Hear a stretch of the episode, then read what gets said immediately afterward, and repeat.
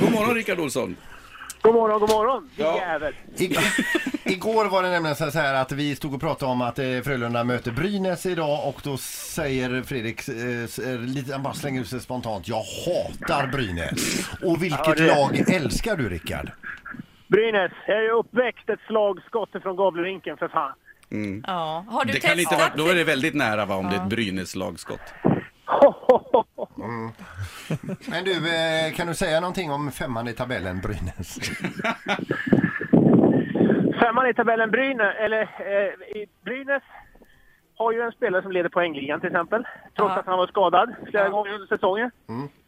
Eh, Brynäs är ju sen gammalt. Nu går jag här och eh, det är inte för att jag är arg som jag andas så hårt. Utan det går väldigt fort. Ja. Ja. Ja. Eh, jo, men... Alltså att ett kvartersgäng mer eller mindre alltid har spöat storstadslagen. I love it. Brynäs, ja. Men hur Fråga mycket... Jonas, Jonas Jonsson vet ni? Ja. Ni vet han va? Ja, vi vet, Dåvarande ja. kapten Ja. i Frölunda. Vilket är det enda laget han har vunnit SM-guld med. Få få höra? Är det Brynäs kanske, eller? Kan det vara Brynäs? kan det Brynäs är den rackaren? Ja, om man inte hör det så är det så programledaren Rickard Olsson som flåsar i bakgrunden där och flämtar om Brynäs. Ja. Jag åker med Måns Zelmerlöw. Ja.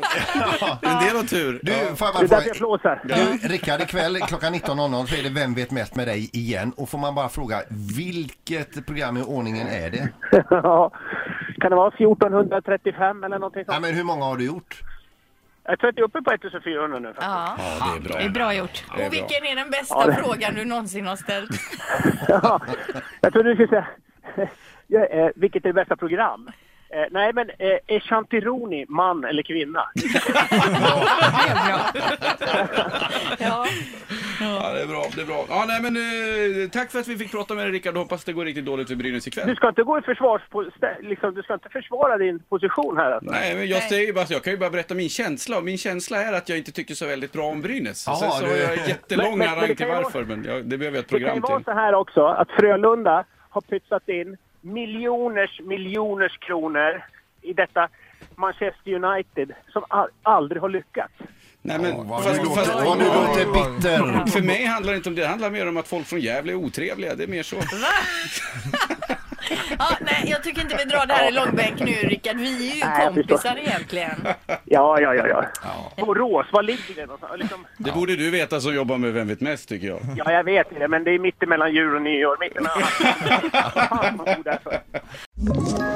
Ett poddtips från Podplay.